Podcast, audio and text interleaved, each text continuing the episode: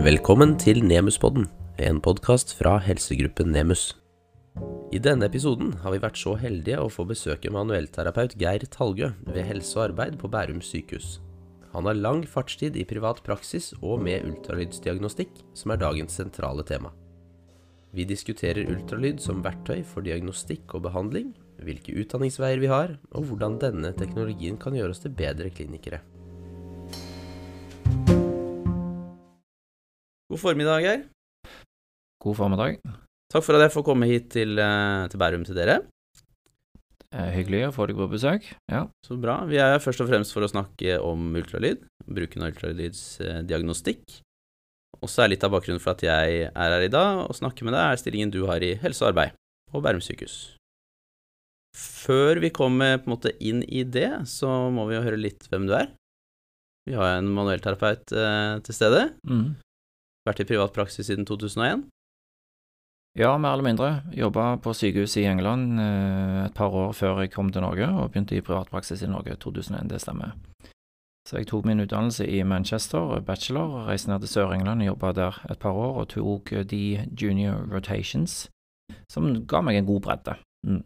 Og um, alltid følt at eh,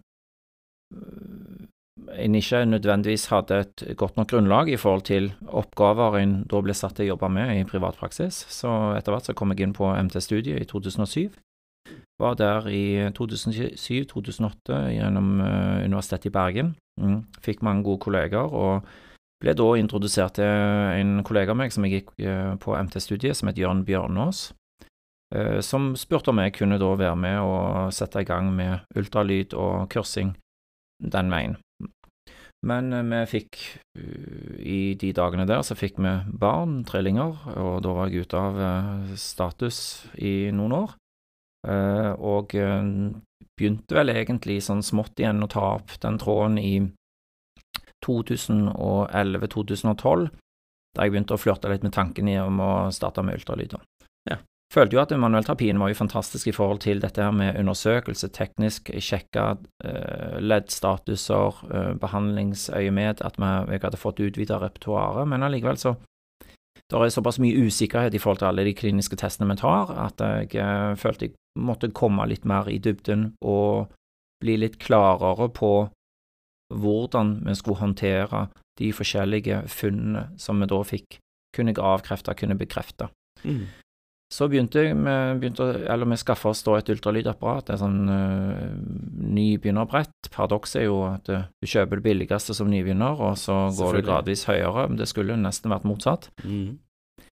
Men uh, det er jo sånn logistikken tilsier at vi greier å få det til. Så uh, vi anskaffa det vel i 2012-2013, og så begynte jeg da på injeksjonskurset som vi tok da gjennom Universitetet i Bergen 2014. Eh, og har vel egentlig aldri sett meg tilbake i forhold til det. Mm. Hvordan, hva slags utdanningsløp eh, var det som fantes da, på ultralyd? Vi hadde uh, Jørn Bjørnås, da, som var tidligere kollega, han starta jo med disse uh, gjennom Norges manuellterapiforbund. Mm. Ja. og, og jeg gikk jo gjennom de kursene, og så hadde vi noen sånne kveldskurs som uh, gjennom Skal vi se, hvem var det? Um, det var noen kveldskurs som ble organisert gjennom noen av disse produsentene som vi tok. Så det var, Ja. det var veldig lite. Ja. Ja. Vi var, måtte inn i litteraturen, måtte gå gjennom guidelines som var på nettet. Det fantes veldig lite. Um, Kjetil Noe Varhaug hadde noen av disse kursene, han begynte så vidt i de dagene med de kursene sine. Ja, han henta vel litt inspirasjon fra Danmark, jeg. Stemmer det. Ja. stemmer det. Og, og han Kjetil Noe jo- Noe Varhaug har gjort en kjempejobb med utvikling Mm. av eh, dette her, og får jo mer og mer anerkjennelse for uh, uh, si, Når de da gjennomfører de siste eksamene, at de òg kan få uh, si, refusjon via forsikringsselskaper og den slags. Så det, det, det begynner å bli anerkjent. Så jeg tok noen av de kursene hos han, eh, og, men det som nok var en game changer for meg, det var når jeg da gikk inn og kjøpte mitt eget apparat, og gjennom Adcare, og så hadde de da en kontakt inn mot eh, Martinoli, som da holdt til nede i Genoa. Ja. Ja, og da reiste jeg ned der og hospiterte, jeg tok noen kurs og var noen dager ekstra der nede, der vi gikk gjennom forskjellige undersøkelser, og vi hadde en 40 pasienter som eh, jeg og en ortoped og en eh, si, folk fra Europa da, som var med på dette hospiteringsløpet. da. Så der har jeg vært ganske mange uker nede og, og hengt i kjelleren i mørket. Trekkfulle korridorene, mm, fuktige korridorene der nede i Genoa. Mesterlære i Genoa. Ja, ja. Og, og, og dermed da gikk gjennom og undersøkte alle disse pasientene og hadde fantastisk Det er nok det mest effektive jeg har vært gjennom i forhold til det å høyne kompetansen på, på ultralydvurderinger. Hva tenker du om utdanningsløpene som er nå, da? Det er jo, du nevner jo de, den kursrekken gjennom PFF som Nordvargaug har. Ja. Og så er det jo eh, noen masterløp, da. Jeg vet at mange av kiropraktorene hos Nemus har jo tatt masterløp eh, i England. Eh, med plusser og minuser der. Og så er det jo andre igjen eh, i organisasjonen som går eh, kursrekkene til PFF. Og så finnes det vel en ny, ny master i, i, Trondheim også. Det stemmer. Hva tenker du om forskjellen på altså hvor akademisk skal man gå til verks, da? Kjenner du til de kursene? for det første? Kjenner til kursene, og jeg er nok òg en av de som etter hvert kommer til å melde meg inn på en master. Jeg tror jeg kommer til å prøve å se om jeg kan komme inn på den som er i Trondheim, nå i hvert fall. Den er litt bygd opp på samme vis som vi gjør på, på MT-studiet. At du er noen uker, og så kommer du hjem og jobber, og så er du noen uker der oppe. Ja. Så, så, den er nok den som virker mest attraktiv uh, i forhold til det. Jeg tror det at vi kan få en jo flere som tar en master i ultralyd, vil jo øke kredibiliteten på det arbeidet som utføres. Mm. Uh, I forhold til at vi må samarbeide med leger, vi må samarbeide med fastleger, sykehuspersonell, uh, anestesileger, uh, i forhold til vår, vår rolle, da. Mm. Vi er, har en veldig god kompetanse på muskel- og skjelett-nerveproblematikk, men, men det, jeg tror ikke det er nok i forhold til at du òg skal få en anerkjennelse eh, mot de resterende tverrfaglige gruppene våre, samarbeidsgruppene våre. Nei, ikke sant. Vi toucher litt innom det etterpå, men hvis du skulle starta på nytt i dag, da, eller til en som leker litt med tanken på ultralyd, tenker du at det er lurt å gå på et masterløp, eller ville du tatt noen kurs, eller? Jeg tror du, du, må, du, må, ta noen kurs først, for du må finne ut om at du har mm. touchet, og du har nysgjerrigheten, og du har stayerevnen i forhold til at du ønsker å prøve å lære av det du holder på med. For masteren er ikke en klinisk nytteverdi. Nei, masteren er en eh, kredibilitetsverdi. Ja. ja. Så, så, men jeg tror at eh, de som skal jobbe med ultralyd fremover, vil være veldig tjent med å ha en master i ultralyd. Om den da blir gjort i England, i Danmark eller i Trondheim, eh, det tror jeg ikke har så mye å si. Eh, men i forhold til at du skal da jobbe mot f.eks. de som jobber i privat sektor, skal få refusjon f.eks. For mot forsikringsselskaper, om du holder på med spesielle tiltak som krever at forsikring skal betale for ja, injeksjoner, f.eks., så, så, så verdsetter jo de veldig en master. Absolutt. Men nå er jo Kjetil Nova Haug sitt spesialistprogram. Det er òg, hvis jeg har forstått det riktig, så skal det òg nå bli uh, på lik linje med en master, at de da får tilgodesett uh, refusjon av forsikringsselskaper. Ja. Forsikringsselskapene er, er, på der. Ja. Mm. Så det er jo Om en da går den spesialistrunden gjennom Kjetil Novarhaug eller tar en master Ja, det må en se. Ja, og det er jo det som har vært litt diskusjonen også. Jeg har snakket med de, noen som har tatt uh, master, og noen som har tatt kursene, og noen som har gjort litt begge deler. Mm. Uh, og litt, det er nok litt som du sier, at man får kanskje øvd litt mer og brukt sitt tempo uh, til sin fordel. Hvis man tar, tar noen kurs, og så kan man søke en anerkjennelse etterpå, da, ved å, ved å ha en master. Ja, for jeg, jeg tror hvis du skal Hvis du skal få en aksept hos fastleger som da uh, vil overlate ansvaret til deg for at du skal få skrevet ut f.eks. en resept på et preparat. Mm. Alt ifra at de skriver adrenalin i forhold til anafylaksirutiner du sitter med, ja. og gjennomgår selvsagt hyppig og ofte på rutinene, men men òg til at de skal skrive ut uh, lokalanestetika, lokalanestetika og, og uh, eh, glukokortikosteroider eh, i forhold til at du skal ta ansvar for det, så mener jeg at du det å gå videre eh, Jeg tror du blir tvungen til etter hvert til at du må ha den masteren Mm. eh, for at det skal bli enklere og enklere for fastlegene å gi det ansvaret videre. Ja. Mm. Og kanskje den blir skrudd litt også, eller de masterløpene kanskje blir skrudd litt mot den samarbeidsbiten. Tror du det? Ja, jeg, At man må ha litt med Altså at man må ha en, eh, altså en injeksjonsmodul i en sånn type master, at man kan velge en klinisk master på sikt. ja, det vil jeg tro. At man kan velge å ha litt mer, eh, litt mer farmakologi, da. Ja. Eh, og den Sånn at man kan være en enda litt mer verdifull ressurs inn mot I forhold til injeksjoner, da. Altså som det er nå, så er man jo på en måte en, eh, en som kun opererer en probe og en eh, nål for en som foreskriver dette. Riktig. Og at man på sikt kanskje kan ha en litt større rolle. Mm. Veie litt tyngre når man I forhold til hvilke tiltak som skal gjøres. Ja. Jeg tenker det kan være veldig nyttig, da, hvis du skal tenke at en master skal være klinisk, ha klinisk nytteverdi. Mm. Så det kanskje er litt for mye sånn som det jo er. Man skal ha en anerkjennelse, og noen må, må ta en, kanskje en forskningsretta videreutdanning for å drive faget videre, men så burde det kanskje være et rom også for å dyrke klinikerne, da. Mm. Ja, kompetanseområdet må heves på farmakologien, det må heves på injeksjonstekniske, du må gå gjennom rutiner, du må ha eh, de, de må skjønne hva som kreves for at du skal gjøre ting på en trygg og god måte. Samhandling mot fastleger, rapportskrivinger, eh, den slags. Og nå er, du, nå er jo du i tett samarbeid, kanskje tettere samarbeid med spesialisthelsetjenesten enn det mange i det private er, i den rollen du har nå i helse og arbeid. Mm. Hva er helse og arbeid? Helse og arbeid er jo en, eh, noe som ble oppretta her på sykehuset for at vi skal hjelpe folk som er i arbeid eller i begynnelsen av arbeidsfasen, som for å legge til rette for at de skal kunne fortsette å være i arbeid. Og da skal det en kort, øh, kort vei inn til oss hvis pasienter er i fare for eller har begynt å få en sykemelding, begynt på en sykemelding. Eh, sånn at vi da kan gå gjennom og utrede og se. Eh, dermed da samarbeider med Nav, vi samarbeider med ortopedene, vi samarbeider med fysioterapitjenesten som er på huset. Eh, vi har hva si, i forhold til ultralydutredning, om det er noe som trengs den veien.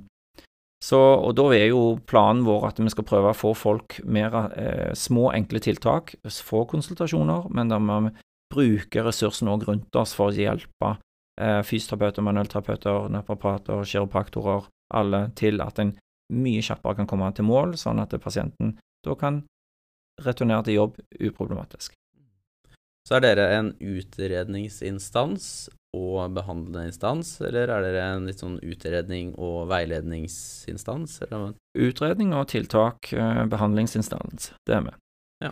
Og hvis vi da ser at her er det ting som, som, som krever større intervensjon, så, så kobler vi jo på uh, ortopedene veldig kjapt i forhold til, til at vi må uh, Kanskje det er en såpass omfattende skade at det må faktisk på bordet. Om det så er dagkirurgen, eller om det er en enda mer omfattende. Er det eh, Hvilke pasienter har dere? Hvem er det som henviser eh, Det er jeg skjønner, de som har eller er i fare for å få en sykemelding, men hvor kommer de fra? Det er primærhelsetjenesten. Det er kiropraktorer, manuellterapeuter og fastleger som da, som da henviser pasienter til oss. og Da skriver de jo da henholdsvis ortopedisk avdeling helsearbeid på henvisningen. Mm. Og, og da skal vi i utgangspunktet greie å få de inn etter en fire til seks uker. Eh, Er det noe som virkelig presser på, eh, så, så er det jo å ta en telefon og høre er det muligheter for å smette inn litt tidligere. Men eh, det er jo ikke for at vi skal åpne opp alle telefonlinjer og få veldig press. Det, der må en være litt objektiv sjøl òg i forhold til hvor mye ting haster. Så, så at vi kan utnytte det når, når det er strengt tatt nødvendig. Um, ja, gjenta spørsmålet igjen. Det var det var hvem som henviste som, Ja, var, ja. som var hensikten. Men, ja. Og disse pasientene, hvis vi, hvis vi tenker at eh, du har inn en pasient som du vurderer at trenger en, eh, en intervensjon eller en rehabilitering som går over tid, så er kanskje ikke det eh, noe dere gjør, eller har dere pasienter over lang tid? Vi har noen som vi følger opp på gruppetimer. Gruppetimer, Ja, og både Merete og, og David som jobber her som fysioterapeuter, som egentlig tar den opprinnelige konsultasjonen med nye pasienter. Jeg blir kobla inn når det er aktuelt å se om det er noe ultralydmessig eller intervensjonsmessig skal, som skal bli gjort, men det som de er flinke på, de går gjennom en kognitiv analyse òg av eh, pasienten og ser er det ting vi må koble på, må vi begynne å koble Nav på et tidlig tidspunkt for at eh, de skal føle at de har rammer rundt seg, for at de kan legge og bygge stein på stein, eh, for at de kan returnere så mye som mulig tilbake til jobb. Ja. Så bra. Så da er dere to fysioterapeuter, også deg? Mm. Er det noen flere? Ja, vi har nevrologen uh, som jobber hos oss òg, uh, som, som, som, går gjennom nevrologiske tilstander. Er det noe Ja. som skal følges opp der?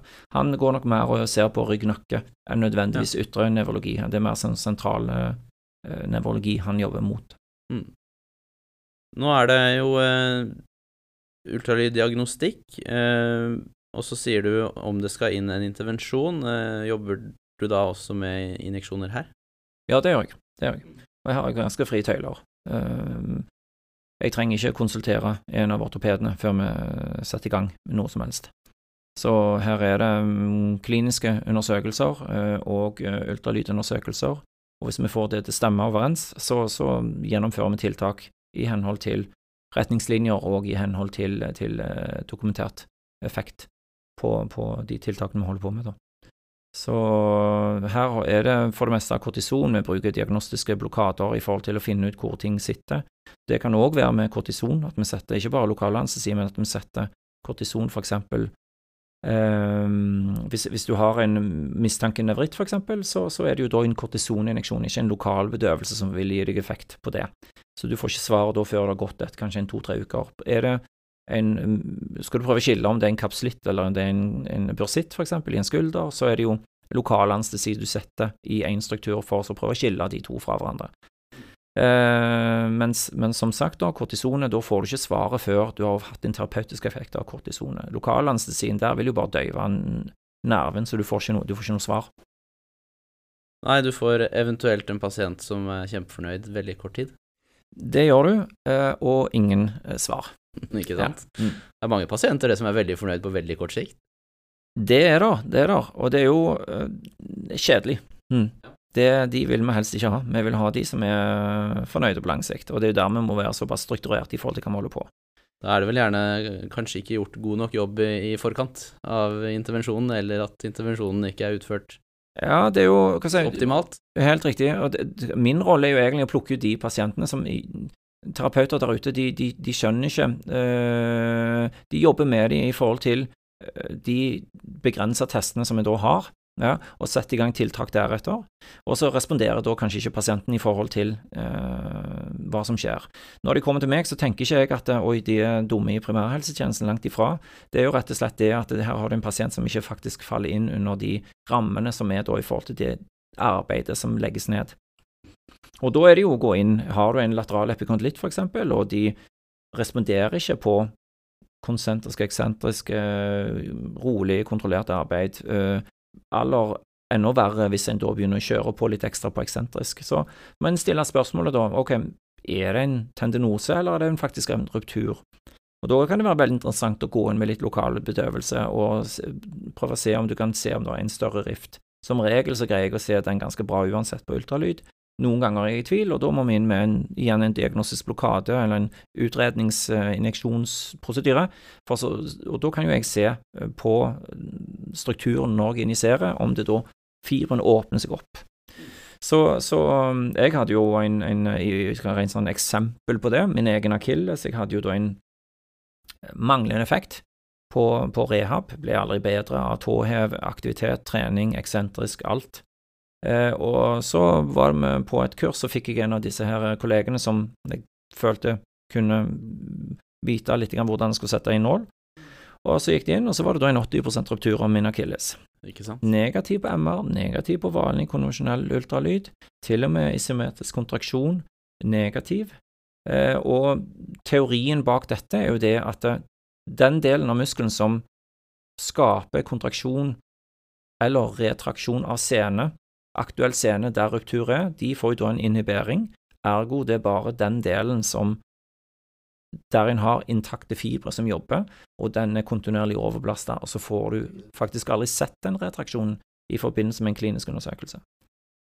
Så, så du har, ja, du har slå, slått av den delen av muskelen som eh, påvirker rupturstedet? Riktig. Da. Og det er litt sånne type ting òg vi må være og hva si, Når vi da satte inn litt saltvann og litt lokalbedøvelse, så var det jo ingen hold whatsoever. Og det er litt sånne type ting vi må være litt bevisst på i forhold til, til, til det å drive på med det verktøyet vi har, da. Det er fantastisk verktøy. Sine begrensninger, men fantastisk verktøy når du bruker det riktig. Og så er det jo den type pasienter man uh, kanskje ikke kan forvente at alle i primærhelsetjenesten uh, finner heller, da. Nei, Eller den type problemstillinger som man ikke finner. Uh, I hvert fall ikke klinisk, og, og, kanskje ikke alle som driver ultralyd heller. For hvis man ikke kan sette saltvann da for å se, mm. se resultatet av det, så finner man det kanskje ikke.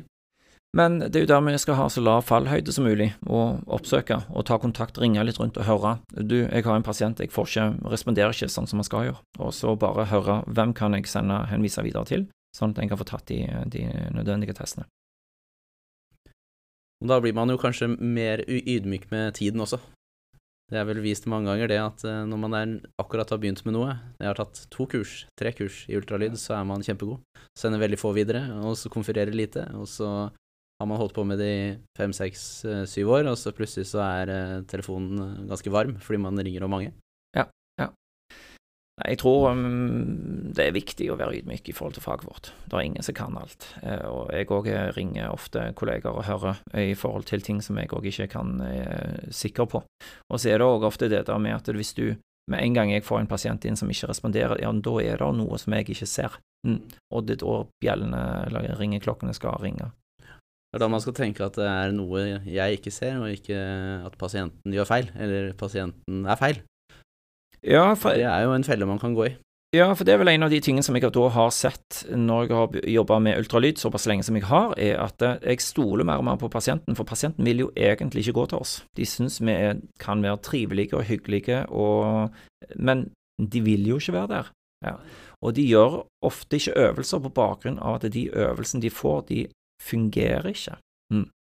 Og det er ikke på grunn av at de ikke gleder seg over øvelsene. Det er jo veldig sjelden at folk gleder seg over de øvelsene som vi setter i gang veldig med dem. Ja. Men, og de som får respons, de gjennomfører øvelser. De som ikke får respons, de gjennomfører ikke øvelser. Og det er jo et kontrollspørsmål når pasienten kommer inn. Greier du å gjennomføre øvelsene? Og hvis de sier nei, ok, da skal det ringe en klokke, og det er nok det som òg gjør til at vi må øh, skylde mindre på pasienten, og heller gå litt inn i oss sjøl og tenke hvordan undersøker jeg de? Hvilke svar får jeg faktisk her?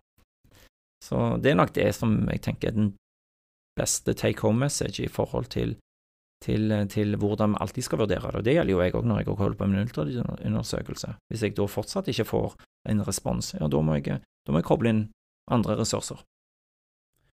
Tenker du at det er innenfor muskel og skjelett er uh, fysioterapeuter, manuellterapeuter, kiropraktorer, osteopater, naprapater som bør uh, gjøre ultralyden, kontra at uh, at radiologer da skal gjøre det?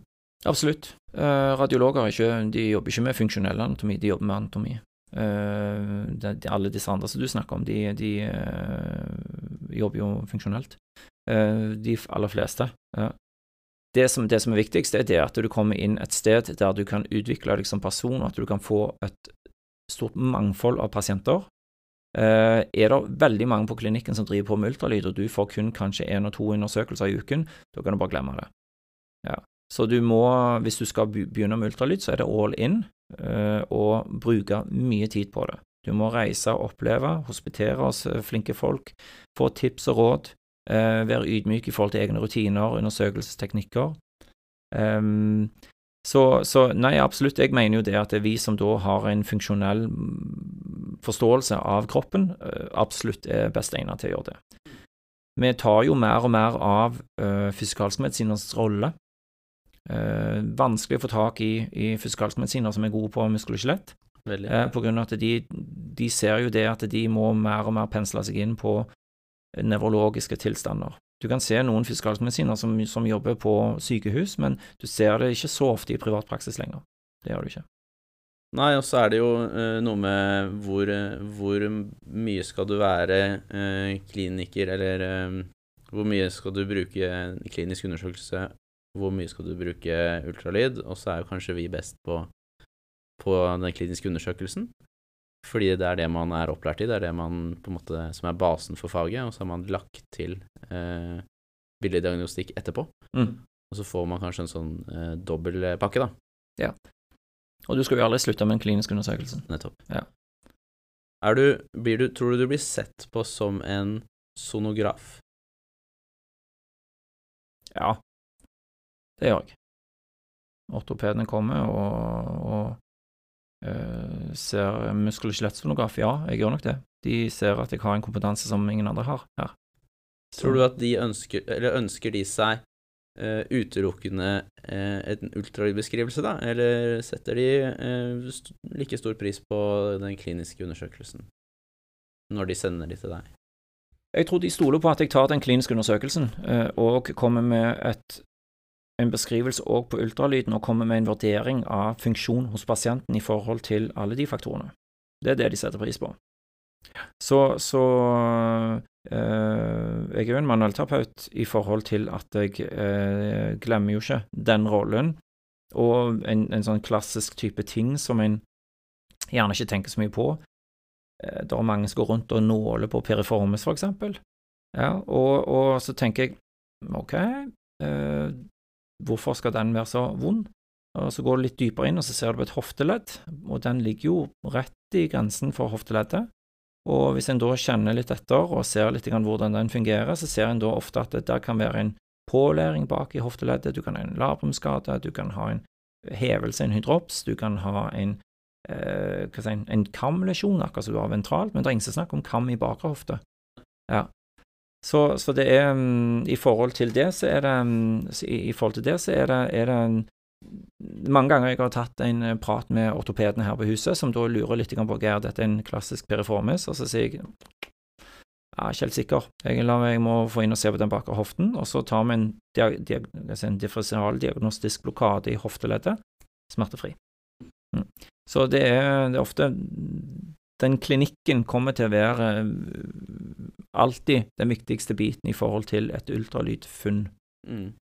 Og man snakker jo ofte om det. Eh, man snakker jo om det på, på kurs og under utdanningene, så snakker man om at man gjør den kliniske undersøkelsen, eh, og så er ultralyden et, eh, et fint eh, tilleggsverktøy. Mm. Eh, og så er det litt sånn I mange settinger så er jo, holdes bildediagnostikken såpass høyt, da. Så spørsmålet er jo om de om andre eh, aktører i helsevesenet da ser mer og mer bort fra det vi skriver om den kliniske undersøkelsen, og fokuserer på når de faktisk har en ultralydbeskrivelse, da. Mm. Ikke sant? At, tror du det er en fare der? Ikke per nå, sånn som vi holder på nå. Eh, at eh, folk har veldig fokus på bildet, eh, det vet vi jo. Men allikevel så er det òg det at hvis jeg undersøker 100 friske skuldre, så vil jo 96% av de ha en eller annen form for strukturell endring. Så det er bare 4 av oss som går rundt med en normal anatomi i forhold til anatomibøkene. Så, så det, det aller meste vi beskriver, er jo egentlig bifunn. Så er der, så, så klinikken vil jo være det som er avgjørende i forhold til den, den uh, ultralydundersøkelsen.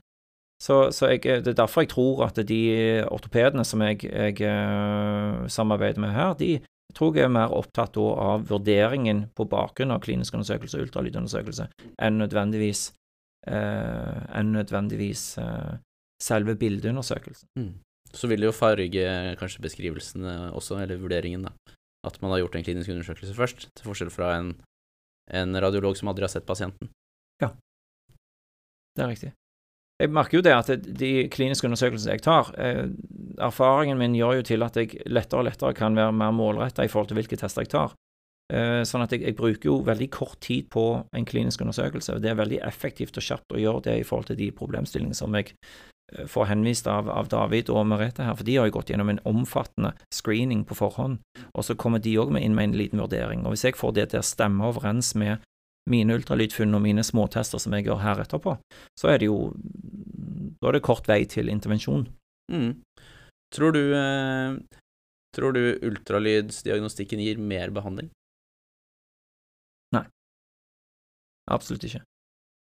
Klart mindre.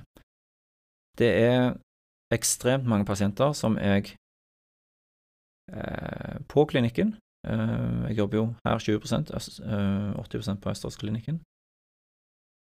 Eh, Det er veldig mange skulderpasienter eller hoftepasienter eller knepasienter som jeg heller henviser til trening hos en PT enn ofte til fysioterapi. Og så er det noen klare problemstillinger der du har en akutt bursitt eller en kalkbrist i eh, skulder. Du Skal ikke trenge å gå til fysioterapi hvis de er normalt aktive. Eh, så, så, så, så skal ikke de gå og oppta plass hos en fysioterapeut for å trene, eller en naprapat eller en osteopat.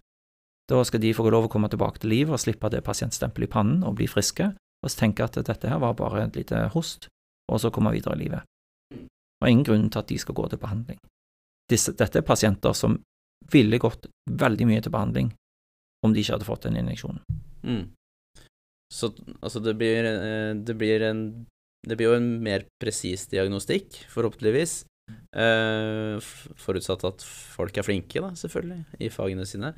Uh, og så sier jo du at da er det mange som får beskjed om, eller får en injeksjon, uh, og, og slipper å dra i, i behandling. Eh, gjelder det, tror du, for de som sitter med klinisk i privat praksis alltid også? Eller vil man prøve å behandle samtidig i for stor grad, da? Altså ha pasienten inn ofte, ikke sant? Ja, ja. Etisk problemstilling, for du, du har jo folk som er mange der ute om, om beinet og skal ha pasienter. Ja. Og, og, og da må du stille spørsmål med egen integritet. Mm. Ja. Hvem er du? Hvordan skal dette fungere? Vil du få flere pasienter hvis du er holder mindre på pasienten? At du rett og slett får et navn og rykte for at du er mer effektiv i hva du holder på med? Eller skal du få et navn og rykte på at ok, går det til han eller hun, så blir du gående eh, og kommer ikke ut igjen. Og der er jo det er et ordtak som heter, hva skal jeg si, dessverre eh, Klinikk for alle var litt uheldig med bokstavene sine, men istedenfor at det ble klinikk for alle, så ble det klinikk for alltid.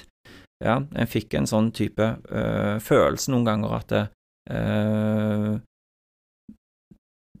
pasienter ikke kom ut av systemet. Og Det er der jeg mener at vi må ta, vi må ta tak. Når det er sagt, så skal ikke jeg bruke det mot Klinikk for alle, for dette her gjelder ikke bare de, det gjelder mange fysikalske institutter. Og jeg møter jevnlig fysioterapeuter som jeg tenker, hvorfor i all verden har ikke du henvist denne pasienten videre for utredning før? Hegner om sine egne pasienter. Det er ofte at eh, fysioterapeutene de jobber jo med, tett med pasienten over tid. Eh, fy, eh, ja, Manuellterapeuter, fysioterapeuter, naprapater, kiropraktorer, alle, Uh, osteopater. De, du jobber med dem over tid, du blir godt kjent, og så blir det et, et slags forhold her, og pasienten blir til dels syns det er trivelig, for det blir en, en slags relasjon. Du føler at du får litt lindring, det går kanskje bra noen dager, så kjenner en at jeg kan forsvare dette her innskuddet i eh, bankterminalens vedkommende. Eh, men det er jo til syvende og sist det som, som også ødelegger for det, at eh, pasienten ofte har ikke lyst til å gå til noen nye, for det de, da må de forklare alt om igjen. Ja. Så det kan være en sånn mental barriere hos pasienten òg noen ganger, som da der fysioterapeuten prøver òg å henvise videre, at de ikke greier å få Få sendt de videre. videre. Ja. Pasienten vil ikke forklare en gang til, men det er kanskje akkurat det de må gjøre. Kanskje det er en stor verdi i det, å forklare til noen som ikke har sett deg før. Helt riktig. I hvert fall hvis det er en plage som du hadde for eh, to år siden, og så har du en plage i samme region Mm. nå, eh, og så går du til samme terapeuten, så er det ikke gitt at det er, kanskje, er den beste løsningen, da. Nei, det blir ofte ja, det er akkurat det samme. Ja, men da går vi i gang med de samme øvelsene. Det funker jo så bra sist. Ja, Ja. Så man har en bias der eh, hvis Mm. man har sett pasienten før. Ja. Uansett. Og det må Mm. man jo bare være bevisst, da. Positiv og negativ forstand. Så er det det at det er, det er nok kanskje noen som eh, er På godt og vondt, da, så vil jo en ultralydsundersøkelse gjøre det lettere å selge inn en, et eh, behandlingsopplegg, tror jeg, i, opp, i forhold til pasienten. Akkurat som det er med Det er kanskje lettere for pasienten å følge opplegget hvis de har en MR i bunnen, ikke sant? Mm. Det er lettere for dem Ok, ja, det er, står svart på hvitt der. Dette er problemet mitt, ikke sant? Og samme måte kan man jo kanskje bruke en ultralyd da på Uh, og i positiv forstand uh, selge inn et forløp som er, som er godt. Mm. Uh, men tror du det er mange som bruker det andre veien?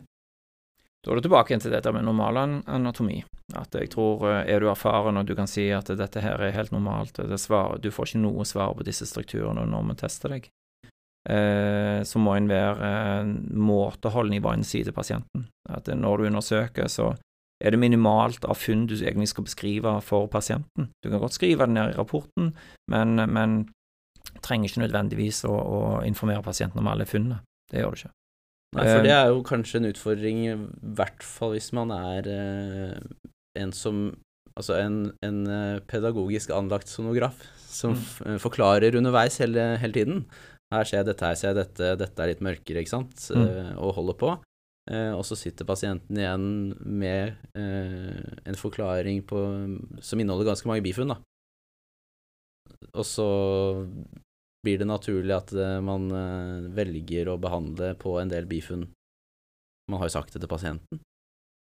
Og så sier pasienten Men der kom "Hvorfor skal jeg ikke fallhøyden igjen." Ja, ja den, der kommer den, den fallhøyden du lager sjøl i forhold til hvordan du skal fremtre overfor pasienten.